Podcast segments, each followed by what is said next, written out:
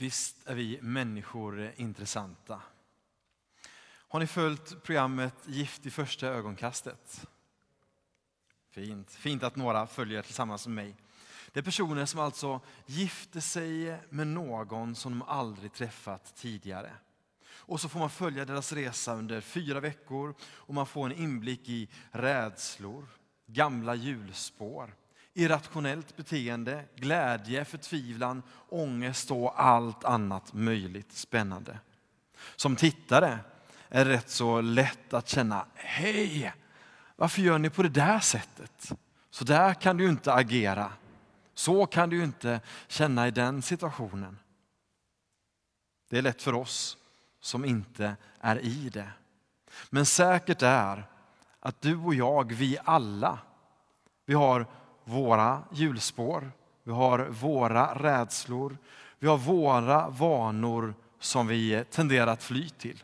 Så även om vi inte alltid känner igen oss i tv-programmet så finns det liknande hos dig och mig.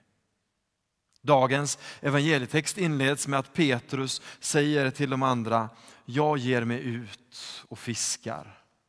Och när jag läser det, då ser jag framför mig något av ett gammalt djur, hjulspår. Jag ser framför mig att han är lite uppgiven, förtvivlad, förvirrad. Han kände garanterat att han hade svikit Jesus. Han kände garanterat att eh, en frågor kring vad han nu skulle göra med sitt liv. Och så tog han då sin tillflykt till det han kände till. De gamla hjulspåren och han stack ut på sjön. Det var hans sätt att fly rädslan. Och visst är det då också lite talande att när de sitter i båten och fiskar så får de ingenting. Det blir tomt nät, tomt nät och tomt nät. Så som det ofta blir när vi försöker fly våra rädslor och hamna i de gamla vanorna. Vad gör du och jag? När vi är förtvivlade, förvirrade, oroliga, ledsna. När vi känner de där rädslorna och de där jobbiga tankarna. Vad händer med oss? Vad gör vi när vi är oroliga för pandemin som sveper sig över världen? Vad gör oron med dig och mig? I vår ångest, i din och min förtvivlan och vår besvikelse och förvirring så vill Jesus stå och ropa till oss, tala med oss. Precis så som han gör i dagens evangelietext. Han ropar till lärjungarna ute på sjön, mina barn. Det är ord av omsorg och samma ord av omsorg vill Gud rikta till dig och mig. Mitt barn, mitt älskade barn. Några dagar tidigare så hade Jesus dött, han hade uppstått, han hade träffat lärjungarna och så hade han sagt till dem, bege er från Jerusalem till Galileen. Man kan undra varför just Galileen och varför skulle de lämna Jerusalem? För strax senare skulle de tillbaks till Jerusalem igen. Jo, Galileen verkar stå för vardagen och det vanliga.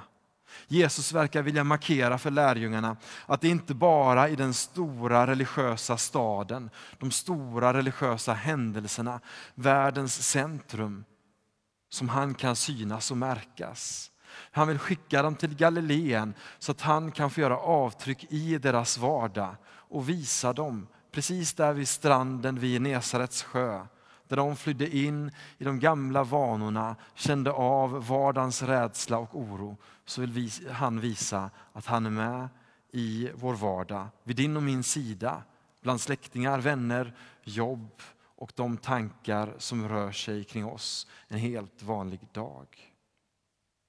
Om vi nu då backar i evangelietexten igen lite grann. När Petrus säger, jag ger mig ut och fiskar. Då var det flera andra lärjungar som direkt sa, vi följer med dig. Och jag vill skicka med frågorna till dig och mig. Vem följer du? Vem tar du efter i ditt liv? Svaret på de frågorna påverkar din och min livsriktning. Petrus var en ledarfigur och när han sa någonting då hakade andra på. Och på sätt och vis så är vi alla ledarfigurer. Åtminstone för några andra.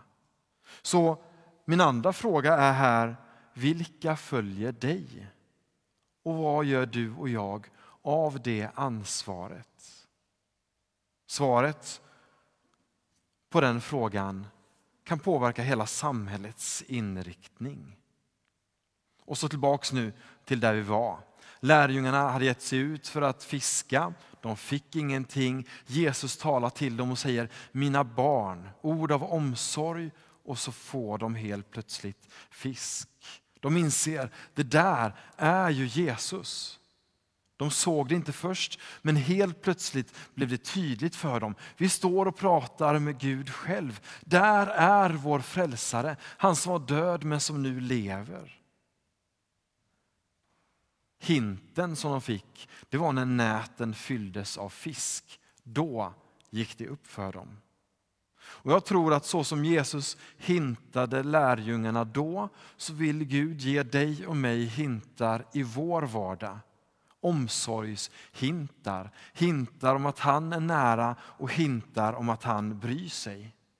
Så fundera gärna på vilka hintar har du kunnat se i veckan som gått? Hintar av Guds närvaro, av att han står vid din sida och säger mitt älskade barn. Och så när detta då händer så slänger sig Petrus ut i vattnet för att ta sig fram till Jesus. Vilken härlig längtan. Tänk om du och jag kan slänga oss ut i livet med samma Jesus-entusiasm. Slänga oss ut i den Gudens famn som har gjort allt för dig och mig. Väl på land, när Petrus kommit dit och de andra lärjungarna också är där, så säger Jesus kom och ät. Och visst är det en vacker mening. Tänk dig att du är hemma hos någon som gäst. Du har hängt av dig jackan, du står i hallen eller sitter i vardagsrummet. Du börjar bli lite hungrig och så får du höra de befriande orden. Kom och ät, maten är klar. Det är en konkret kärleksförklaring. Dina och mina vardagliga behov är viktiga för oss. Behov av vila, mat, dryck, värme, närhet. Och dina och mina behov är viktiga för Gud också. Så vilka behov har du? Jesus hade kunnat säga till lärjungarna, nu väntar vi lite grann och jag vill först att vi går en runda där var och en får beskriva hur mycket ni tror på mig. Han hade också kunnat säga att jag vill att vi går en runda och så får var och en nu berätta era tankar om uppståndelsen. Eller så hade han kunnat säga, hallå, vad gör ni här? Ut och berätta för folk. Men istället så är hans ord, kom och ät, maten är klar. Han började med att fylla deras magar. Efter det kom de sen in på andra samtal. Detta får bli en påminnelse, tänker jag, till dig och mig om vikten av att möta människor, vikten av att möta varandra där vi är. Vikten av att du och jag för egen del prioriterar vila, mat, dryck, värme, närhet. Men också vikten av att du och jag prioriterar att mätta andras magar, mätta andras hunger. Här har du och jag en kallelse att dels visa vem Gud är, dels att mätta magar så som Jesus mättade magar. Därför tycker jag att det är så roligt med matutdelningen som vi har här i Fässberg. Där vi varje tisdag och fredag delar ut mat till mängder och familjer. Mängder av personer, mängder av familjer. Vi får som församling ta emot i gudstjänsten och vi får som församling ge ut. Därför ska vi idag också avsluta den här gudstjänsten med ett sändningsord som är nytt för oss. Ett sändningsord som går på något liknande sätt i stil med att låt oss gå i frid. Och så kommer alla vi andra tillsammans få svara och mätta mätta dem som hungrar. En påminnelse om att vi får ta emot i gudstjänsten och bära med oss av evangeliet, av mat ut i vardagen. Jesus sa, kom och ät. Maten är klar. Du och jag får göra på samma sätt. Möta de människor som vi har i vår vardag. Så låt oss ta emot Jesu ord om mina barn. Han står på stranden, han står på stranden till din och min oro och kallar på oss. Och så får vi nu stämma in i vår trosbekännelse, i tron på den Gud som har dött och uppstått för oss.